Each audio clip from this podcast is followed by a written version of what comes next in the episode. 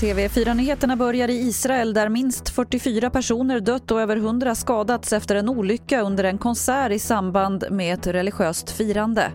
Tiotusentals människor, främst ultraortodoxa judar, samlades för firandet av en religiös högtid på berget Meron i norra Israel.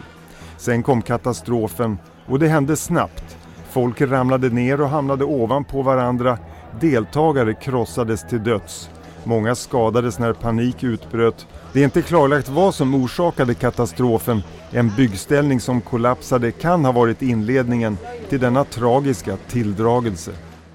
Reporter här var Christian Wigert.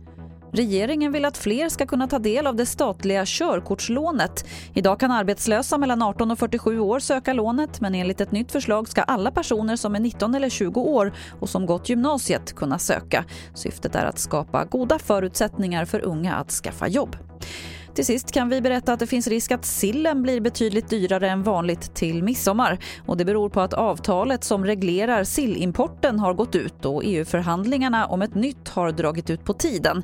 Landsbygdsminister Jenny Nilsson säger till TT att hon ändå hoppas på en lösning. Det var det senaste från TV4 Nyheterna. Jag heter Lotta Wall.